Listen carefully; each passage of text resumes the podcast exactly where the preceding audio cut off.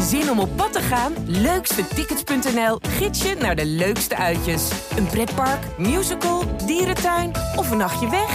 Start je zoektocht op leukstetickets.nl. Dit is een aanslag op ons rechtsstaat. Wiersum was de advocaat van Nabil B., kroongetuige in het liquidatieproces rondom topcrimineel Ridouan Taghi. Elke moord is heel erg, maar als deze moord te maken heeft met de verklaringen die zijn afgelegd door de kroongetuigen, is het nog erger. Welkom bij een nieuwe aflevering van de Taghi-podcast van Het Parool. Mijn naam is Corrie Gerritsma en naast mij zitten misdaadverslaggevers Paul Vugts en Wouter Laumans. Hoi. Welkom jongens. Ehm, vandaag gaan we het hebben over ondermijning. Um, onlangs werd bekend dat een Haagse ambtenaar jarenlang valse paspoorten heeft geleverd aan criminelen, waaronder Ridouan Taghi.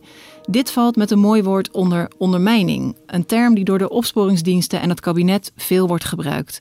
Maar wat betekent het eigenlijk? En dat wil ik graag van jullie weten, want valt alle criminaliteit onder ondermijning? Nee, dat is niet zo.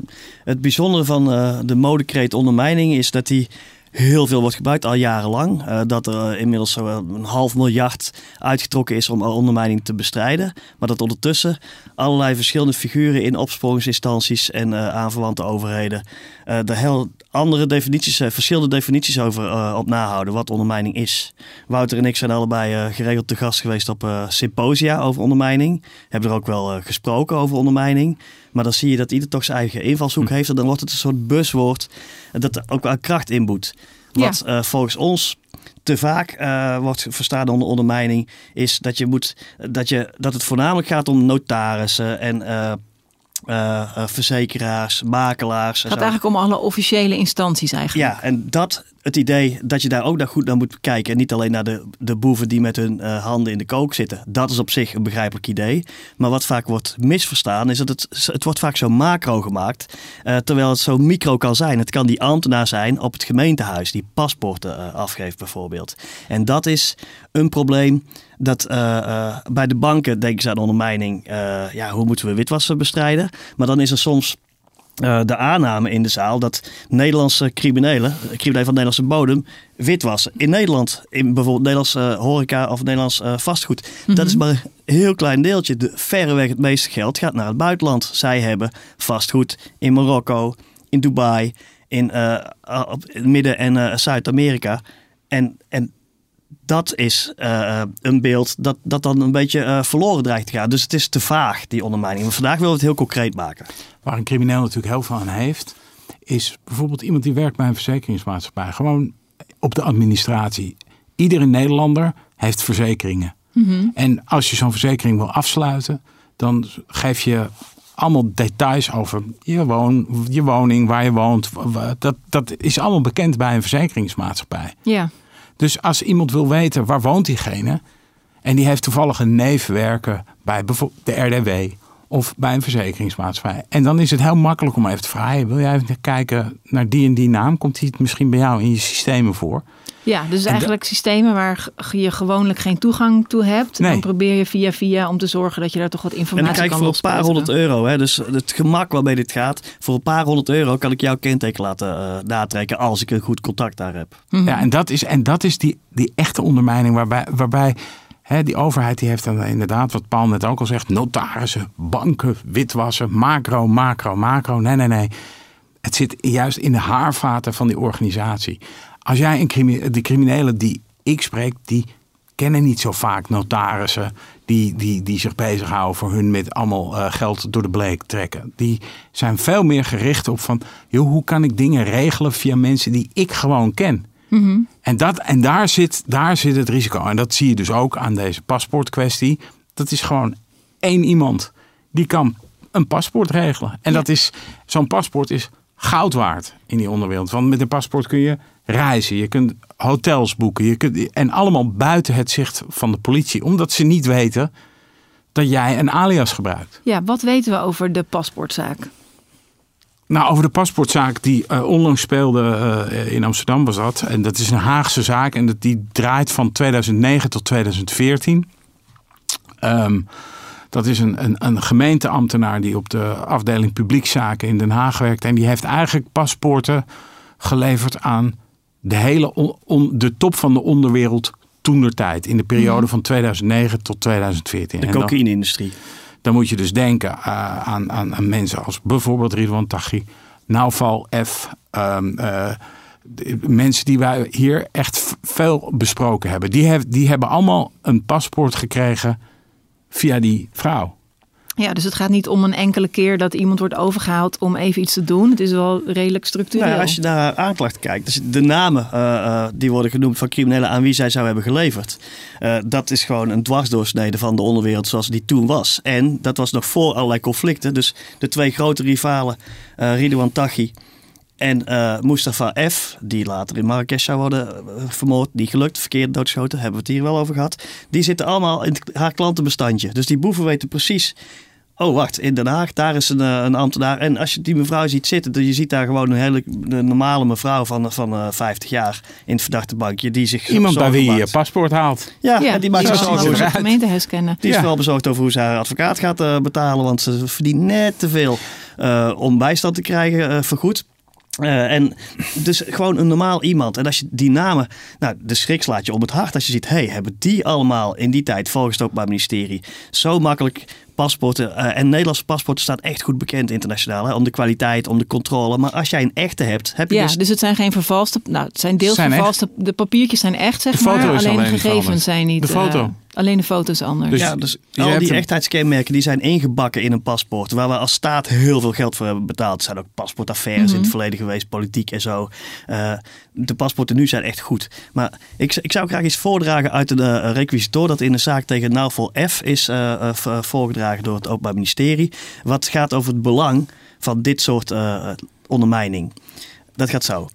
Eh, het gaat over een zaak waarin eh, in Diemen een poging is gedaan een crimineel te liquideren. Is mislukt. Daar, uiteindelijk zal Naval F daarvoor worden veroordeeld voor het opdrachtgeven daarvoor. Plus een andere zaak, levenslang. Maar deze zaak begint met de vaststelling van de aanklagers. We zien de laatste jaren steeds vaker dat een bepaald type criminelen de activiteiten op de Nederlandse markt vanuit het buitenland aansturen. De omstandigheden waren er dan ook gunstig voor. Telefoons met encryptietechnologie maken het extra makkelijk om afgeschermd te communiceren. Dankzij corrupte ambtenaren kunnen vrij eenvoudig valse identiteitspapieren worden verkregen, waarop ongestoord gereisd kan worden. En er zijn voldoende landen waar Nederland- een op zijn minst moeizame rechtshulprelatie mee heeft, waardoor informatieuitwisseling altijd minder snel gaat dan dat de criminelen zich kunnen verplaatsen naar weer nieuwe schuiladressen. En dit legt de vinger helemaal op de zere plek. Als jij dus met een valse pas eh, naar Dubai gaat, ik noem een dwarsstraat, eh, ja, dan ben je daar gewoon vrij. En dan kun je daar bankrekeningen openen. Je kunt met onroerend goed mensen eh, aan tafel schuiven en zo. Allemaal op die valse identiteit. En eer Nederland een keer doorheeft van, hé, hey, we zoeken weliswaar Ridwan Taghi, ik noem maar iemand. maar het is een andere naam. ja, dan moeten zij dat nog allemaal weer aan Dubai zien. Eh, Ja, maar ik snap dat je heel erg moet zoeken naar welke naam. Maar ik kan me ook niet voorstellen dat opsporingsdiensten nog denken dat grote criminelen onder hun eigen naam sowieso opereren en reizen. Nee, maar- niet, maar ze zitten er wel mee. Ja, oké, ze weten niet precies het identiteitsnummer op het- natuurlijk. op of het, eh, Op het moment dat ze op zoek zijn naar Ridwan Taghi, gaan ze kijken in het systeem. Is die Ridwan Taghi onlangs uitgereisd? Hè, want dan zouden we kunnen, Zou we- kunnen. zouden kunnen weten waar hij bijvoorbeeld zit. Maar als Ridwan Taghi met een ander paspoort onder een andere naam is uitgereisd, dan denk je, nou, die zit dus gewoon mogelijk nog in Nederland, maar daar zit hij niet. Dat is dus, en dan zie je dus gelijk in een, in een, in een mini, mini voorbeeld, zie je hoeveel zo'n paspoort waar, waard is. Wat mij het meest trof in die paspoortzaak van die Haagse ambtenaar, was dat zij, eh, haar wordt eh, ten laste gelegd dat ze 16.000 euro heeft witgewassen. ja. En ik dacht, mijn hemel, dat is dan een goedkoop rondje geweest. ja, voor Want al die wat- mensen. Ja, want een paspoort waard is in die kringen. Dat is, dat is, daar wordt, ton, wordt zo'n ton voor neergelegd. Voor een echt paspoort. Tenminste, Dus het is echt een schijntje wat zij, wat zij daaraan overhoudt. En zij hangt nu aan de pan. Maar Snap is je? het, is het bekend hoe zij. Want weet je, is het. ehm, ik kan me voorstellen als je een grote criminele organisatie hebt, dat die zeggen: Nou, ik ken wel iemand en die heeft een goede opleiding. Laten we zorgen dat die daar en daar gaat werken. hè. Dus je dat soort van eh, bottom-up, zeg maar, doet. Dat je of gaan plaatst. ze heel erg zoeken. Ja, dat je hem plaatst. Of gaan ze heel erg zoeken naar wie is kwetsbaar Uh, zijn het kennissen? Het is, het Over is, deze gaat mevrouw het? weten we het nog niet, moeten we eerlijk bij ze- zeggen. Want die zaak die is nu pas in een voorbereide stadium, dat komt allemaal nog. Mhm. Maar er zijn uit het recente verleden eh, wel voorbeelden van waarin je ziet hoe makkelijk ehm, eh, die gasten toegang hebben. Er is Nauval F, Noffel. eh, die een belangrijke eh, rol speelde in de, in de onderwereld, ook in de scene van eh, internationale cocaïnehandel en eh, liquidaties. Hing een beetje onder eh Ridwan Taghi en andere zware criminelen. Volgens het Openbaar Ministerie is inmiddels tot levenslang veroordeeld. Hij wordt in 2016 in Dublin in een hele chic appartement eh, eh, gearresteerd. Een appartement van de Kinnehans, een van de beruchtste cocaïnebendes van Europa. En hij heeft dan twee valse paspoorten bij zich. Op namen echt bestaande personen, ook nog eens. Daar komen we zo meteen nog wel verder op terug. En een van die paspoorten blijkt te zijn verstrekt door een 17-jarige stagiair van de gemeente Utrecht een 17-jarige stagiair. En of die jongen daar dan met dat oogmerk geplant is, dat kan heel goed. Maar Ja. als jij, als het dus mogelijk is in de Nederlandse overheid, dat een 17-jarige stagiair die later hiervoor zou worden veroordeeld, eh, jou een paspoort kan, eh, een echt Nederlands paspoort met alleen jouw foto kan, eh, kan verstrekken. Dan zijn we wel ver van huis. Dan kun je een half miljard uittrekken om ondermijning te bestrijden. Maar dit zou toch een goed beginnetje zijn geweest. Ja, om het dit te begint toch met een soort basics. Sorry Wouter. Eh, Als je je paspoort ophaalt. Ik heb bijvoorbeeld voor mijn zoon een paspoort moeten verlengen voor de vakantie. En dan, dan loopt iemand die dat aftekent altijd naar iemand anders toe. En die moet even kijken naar het fotootje. Eh, je roept nog even iemands naam. Zeker bij kleine kinderen of ze reageren. En dan, eh, dus dat is volgens mij dat altijd twee mensen in ieder geval iets moeten behandelen of aftekenen. En in het geval van het paspoort van deze stagiair had zich iemand gemeld bij de politie. Die zei: hey, eh, mijn paspoort is geblokkeerd. Wat is er aan de hand? Eh, er is iets raars met mijn paspoort. Mijn paspoort doet het niet meer. Die staat als geblokkeerd genoteerd. En zo, wist, dus zo hadden ze de naam. zo wisten ze al van hé, hey, daar, is iets mee, daar is iets raars mee gebeurd. Maar met het andere paspoort, het paspoort wat in Den Haag was verstrekt, ja, daar, daar was nog geen melding van binnengekomen. Sterker nog, Naval F heeft daar ook echt mee gereisd. Hij is, en die zaak hebben we hier ook uitgebreid besproken, een, een, een, eh, een poging liquidatie op hem eh, in Düsseldorf. Hij verbleef in, in, in, in die stad onder die valse naam. Berlijn, dat was in Berlijn. Sorry, Berlijn, Ja. excuus. Ja, nee, hij, sorry, ik, ik, ik, ik haal nu twee dingen door de war. Hij verbleef in Duitsland onder die naam. Ja. Hij was ook in Düsseldorf. Alleen die liquidatieplannen waren voor Berlijn. Ja, Maar hij was echt een grote figuur. En hij heeft dus, nou ja, hij heeft dus twee pas. En het komt in zoveel verschillende liquidatiezaken voor. Er is nu een grote, wat ik zou noemen, een veegzaak. Waar allerlei oude dossiers nog van één specifieke groep. eh, vooral eh Marokkaans-Nederlandse criminelen. Marokkanen heet dat eh, onderzoek. En daar zitten ook allemaal oude kopstukken van, van jaren geleden in. En en dus, je ziet de een na de ander die altijd onder valse papier heeft gereisd. Zo. Ook met echte paspoorten. Dus het is echt zo wijd. En dat zijn weer andere mensen dan we net al genoemd hebben. het is echt een groot probleem. De overheid heeft eh, een steekproef gedaan tussen 2010 en 2019 onder 17 gemeenten. Daaruit bleek dat eh, in ruim een kwart van alle gevallen de procedure voor het verstrekken van een, van een, van een paspoort niet is gevolgd. En wat is die procedure? Een kwart is echt heel veel. Dat is heel veel. Die procedure dat is de zorg, eh, gaat volgens het vier ogen principe. Jij vraagt aan. Dus dan kom je bij zo'n balie en dan heb je een pasfotootje bij je en eh, iets om je mee te identificeren. Dan zeg je, oké, ik heb een nieuw paspoort nodig. Dan vul je wat papieren in samen met die ambtenaar. Die ambtenaar kijkt, als het goed is, hey, dat fotootje klopt dat met diegene die voor me zit? Ja, nou, dan gaat dat allemaal naar een soort paspoortfabriekje waar ze die documenten fabriceren. En dan komt dat twee weken later of drie weken later komt dat weer terug. En dan heb je een paspoort. En als het goed is, dan geeft een andere ambtenaar jou je paspoort. En die checkt nog een keer, is diegene die voor me zit, degene, is die ook daadwerkelijk degene die op die foto staat en degene wiens documentatie wij nu allemaal geven. En dat vier ogen principe, dat wordt gewoon heel vaak niet, niet nageleefd. Omdat er gewoon, ja, omdat er gewoon eh, personeelsgebrek is. Of andere dingen. Dat het gewoon even niet zo past roostertechnisch. En dan krijg jij dus je paspoort van dezelfde ambtenaar die dat heeft aangemaakt. En dat is onwenselijk, omdat je dus, Ja. als die ambtenaar fout is, als die, als die corrupt is, dan heb je iemand plat die dus gewoon voor jou valse documenten kan Ja, maken. want even nog voor de duidelijkheid, die 25% is niet dat het in 25% van de gevallen Nee. valse paspoorten zijn. Alleen dat daar niet goed volgens de regels het wordt uitgeleverd, zeg maar. Nee, inderdaad. En, in, zeg maar in on, hè, Er zijn meerdere strafrechtelijke onderzoeken naar corrupte ambtenaren. Hè. De, eh, Paul had het net al even over die 17 jaar, nog steeds verbijsterend is, een 17-jarig joch. Wat daar dus gewoon op het belangrijkste document wat je in Nederland kunt, wat je in Nederland hebt, namelijk het paspoort, dat, dat gedaan wordt door iemand van 17. Maar goed, eh, tot je dienst.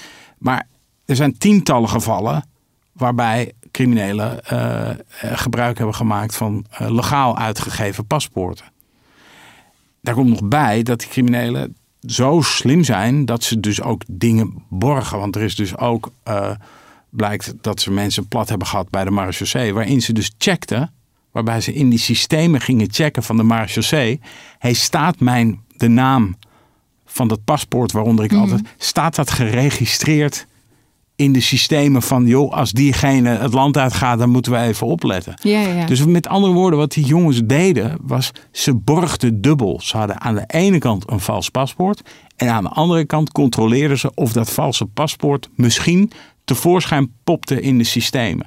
En dan zie je dus wel, dat is zo grappig, hoe, hoe zij zeer professioneel dubbel eh, geborgd eh, te werk gingen. Terwijl aan de andere kant, daar waar het voorgeschreven is door de wet dat het vier ogen principe geldt en zo. Een of andere stagiair van 17, die dus niet zou mogen meetellen met die vier ogen. Want dat zijn vier ogen van vaste medewerkers, zou ik toch hopen. Dus Ja. hij zou, zou, dat zou een zes ogen principe daar moeten zijn. En eh, uit die zaak bleek dat hij dus zelf die hele sleutelrol had kunnen spelen. Maar je zou toch ook verwachten als het zo, als je en bij de gemeente al voor een vals paspoort iemand hebt en ook nog bij de marechaussee iemand, dat het toch ook vaak moet gebeuren dat ze iemand net niet helemaal in jouw termen plat kunnen krijgen. En dat iemand dan eens een keer melding maakt van hé, hey, eh, mensen proberen dit en dit en dit. Nou ja, in afgeluisterde gesprekken van bijvoorbeeld die 17-jarige stagiair.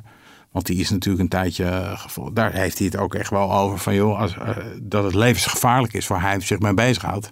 Met andere woorden, ze schieten me dood als, als er iets.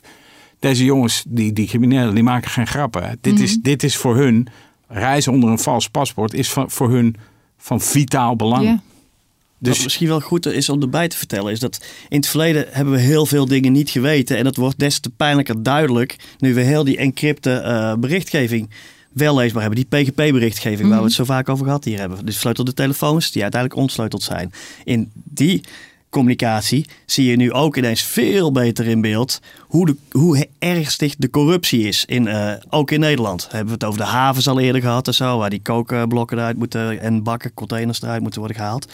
Dat zie je hier ook. Dat is eigenlijk pas de afgelopen vijf, zes jaar vol in het licht komen te staan. Eh, en dus wat we al die tijd niet precies geweten hebben, wel vermoed natuurlijk. Kijk, en ik blijf volhouden, Nederland is geen narco-staat. In een narco-staat zijn de criminelen in de regering en in de hoge bestuurslagen. Maar Nederland heeft wel een enorm corruptieprobleem. Als jij bijvoorbeeld, en dan, dan hebben we het, wou ik noemde net, net ook al even, de Rijksdienst voor het wegverkeer. eh, de paspoorten dus, verzekeringen. Als jij bij een verzekering iemand plat hebt. Die corruptie, dat is meteen eh, eh, de heart of the matter. Want daar kun jij dus gewoon ten eerste voor jouzelf afgeschermde identiteit regelen. En het andere, doodeng, voor jouw rivalen ook gewoon alles laten eh, uitzoeken. Het is super eng voorbeeld.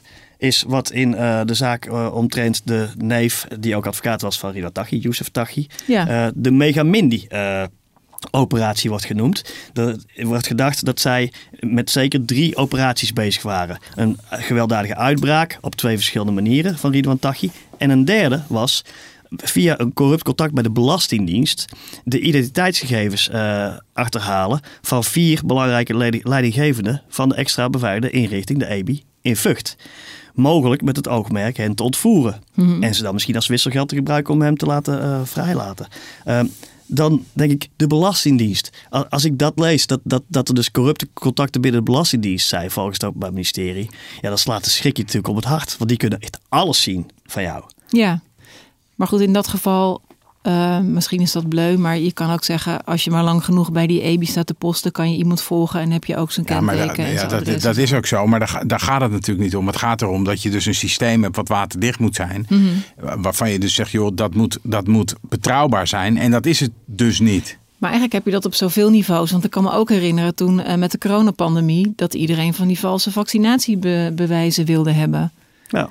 Nou ja, en dan, Omdat er ook allemaal tijd, misschien tijdelijke medewerkers zaten die gewoon in al die computers konden. en als je brutaal bent, dan kun je best komen. Eh, en hier wordt nog aan brutaliteit eh, het vermogen van honderden miljoenen gepaard. Dus eh, die gasten die, die kijken helemaal niet op het tonnetje meer of minder als er iets moet worden geregeld. En de, een- onderschat nooit de kracht van angst, wat Wout net ook al aanhaalt. Eh, als iemand doodsbang is, als iemand onder zware druk wordt gezet, jij gaat dit voor mij regelen en anders ga jij dood of je broer gaat dood en zo, dan, dan is dat een dodelijke combinatie. Dus je hebt mensen in kwetsbare posities, mensen Ja. hebben misschien echte schulden of mensen wordt gesuggereerd dat ze iets eh, eh, schuldig zijn aan een, aan een Ja. groepering. En die Ja. worden in die eh, positie ge- eh, gebracht. Ik ben heel benieuwd straks naar die zaak waar we het net al over hadden. Die Amsterdamse zaak over die Haagse ambtenaar.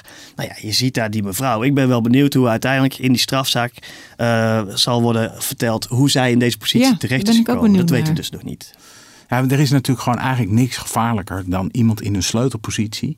Hè, die over dit soort documenten gaat. En het is, laten we wel wezen, het is best wel een paspoort uitge- uitgeven. Dat is geen raketwetenschap, hè? Dus dat is een vrij simpele handeling. Net is dat het geen raketwetenschap is om een rondje eh, te rijden in de haven om, eh, om daar de, eh, te, te beveiligen.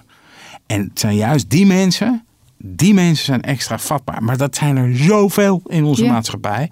Dat je ook gelijk ziet van joh, als we een bank, dan heb je de wetpoortwachter, eh know your customer, weet je wel. Dat, dat zijn allemaal van die begrippen die, die, worden geïmplementeerd om te, te voorkomen dat er de drugsmiljarden die worden witgewassen in de Nederlandse economie. Ik zag van de week hoor, zag ik nog de aankondiging van een, een radioprogramma dat er drugsmiljarden werden witgewassen in de Nederlandse economie. Dat is thans gewoon een vaststaande aanname bijna. Maar het, het echte, het, het echt, de echte rot, die zit, die zit in onderin. Die zit, in, die, zit niet, die zit niet helemaal in de top. Die zit veel meer onderin. Ja, eigenlijk gewoon de hand- en spandiensten. Ja. Ja, en Ja. vergis je niet dat de mensen die daar hun functies bekleden, die verdienen niet zoveel. Hè? Dus, eh, die, eh, en als die dan schulden hebben of zo, of op een andere manier chantabel zijn, dan heb je heel veel mensen om uit te kiezen die kwetsbaar zijn om, eh, om om te kopen. En dat is doodeng. Een douanebeambte die gewoon met één klik een container op groen kan zetten. Ja. Wat verdient een douanebeambte? Wat zal die, wat zal die mee naar huis nemen elke maand? 2700 netto? 3000? 3200?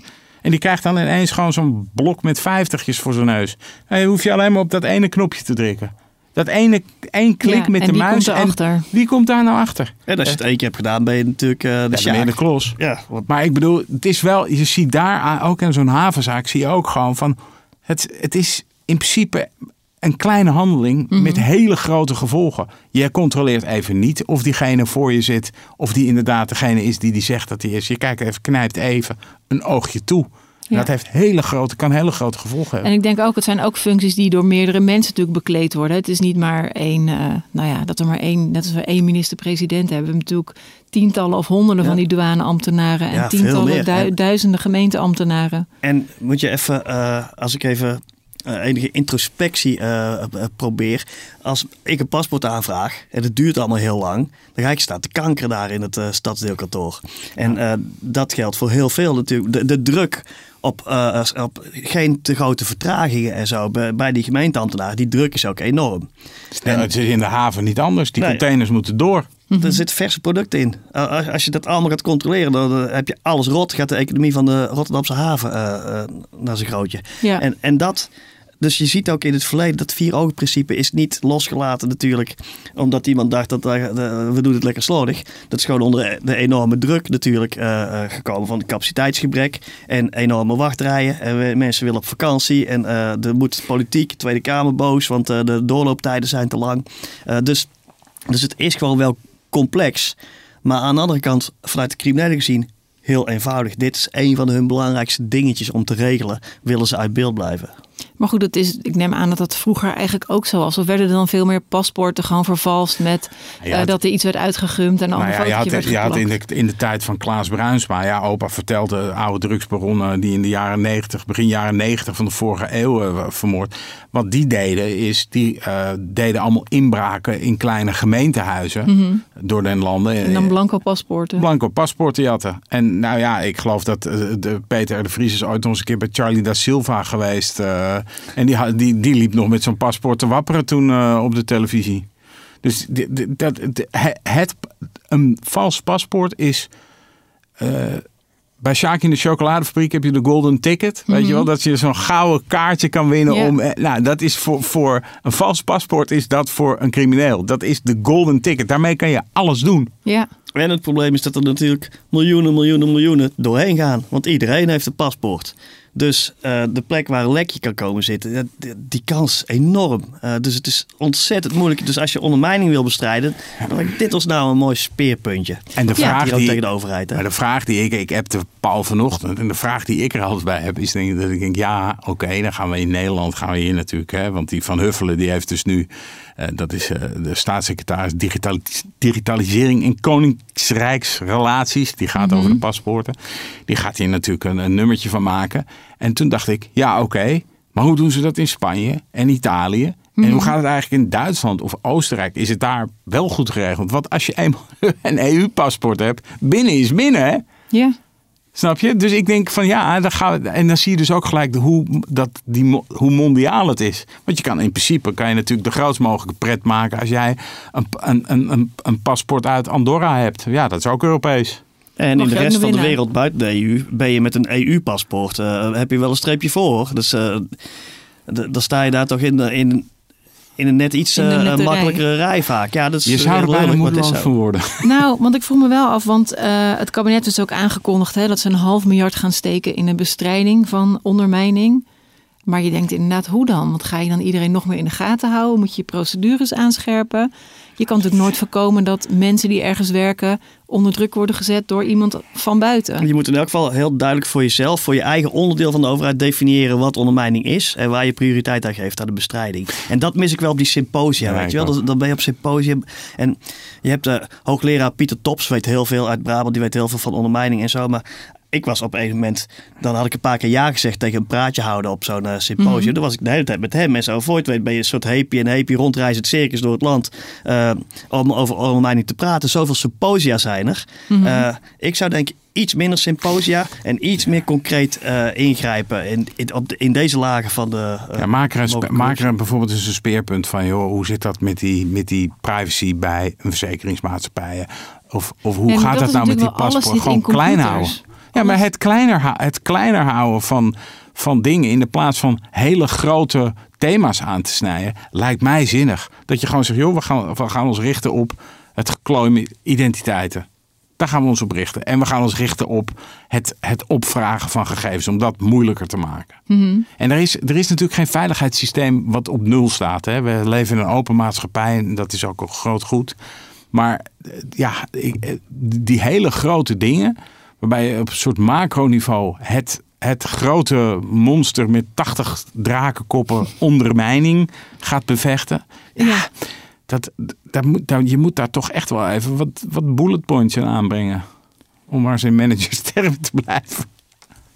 Overigens is het wel winst op zichzelf dat er die honderden eh, miljoenen, en nu wordt er weer gesproken over half miljard, dat dat wordt uitgetrokken om eh, de, Absoluut. het, het invreten van de georganiseerde misdaad eh, en het beuken op onze maatschappij, om dat tegen te gaan. Dat is op zich, dat is iets van de laatste tien jaar, denk ik. Dat mag wel gezegd worden. Dat is heel goed dat dat gebeurt. Dus niet alleen maar wat altijd in cliché-termen heet, de kerels proberen te pakken en de kilo's, maar ook de structuren kapot maken. Dat is heel belangrijk dat het in elk geval dat wordt gepoogd. Alleen nu is het zaak om niet te verzanden in, in, in vage eh, toestanden, maar eh, heel scherp aan te wijzen. Hier en hier en hier gaan wij voorkomen dat die criminelen vrij spel hebben. Ja, dat betekent wel dat we dan, dat komt ook dan eh, dankzij ons allemaal, dat we over een paar jaar echt heel lang van tevoren een paspoort gaan aanvragen voordat we op vakantie gaan. En niet gaan lopen mopperen als het een beetje lang duurt en er moeten 36 ogen bij komen. De rij op Schiphol zijn. zal zich verplaatsen naar de paspoortbalie. Precies, dan ik is het beloof daar niet dat gewoon ik heel mezelf zal inhouden hoor, daar ben ik heel slecht in. Je moet het maar leren, Paul. Eh, heren, eh, dankjewel. We zijn aan het eind gekomen van deze aflevering van de Tachi podcast. Heb je een vraag? Mail hem naar tachi.parool.nl. Bedankt weer Paul en Wouter. Mijn naam is Corrie Gerritsma. Dank voor het luisteren en tot de volgende keer.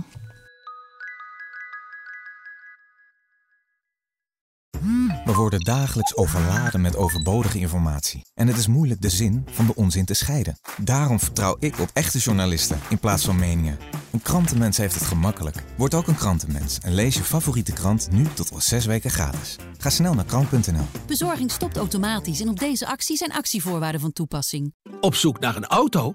Op gaspedaal.nl zoek en vergelijk je op meer dan 40 autosites tegelijk. Je zoekt op de grote autoportalen en bij de autodealer om de hoek. Je hebt het grootste aanbod en maakt daarom de beste vergelijking. En zo mis je nooit meer een auto. Zoek en vergelijk op gaspedaal.nl.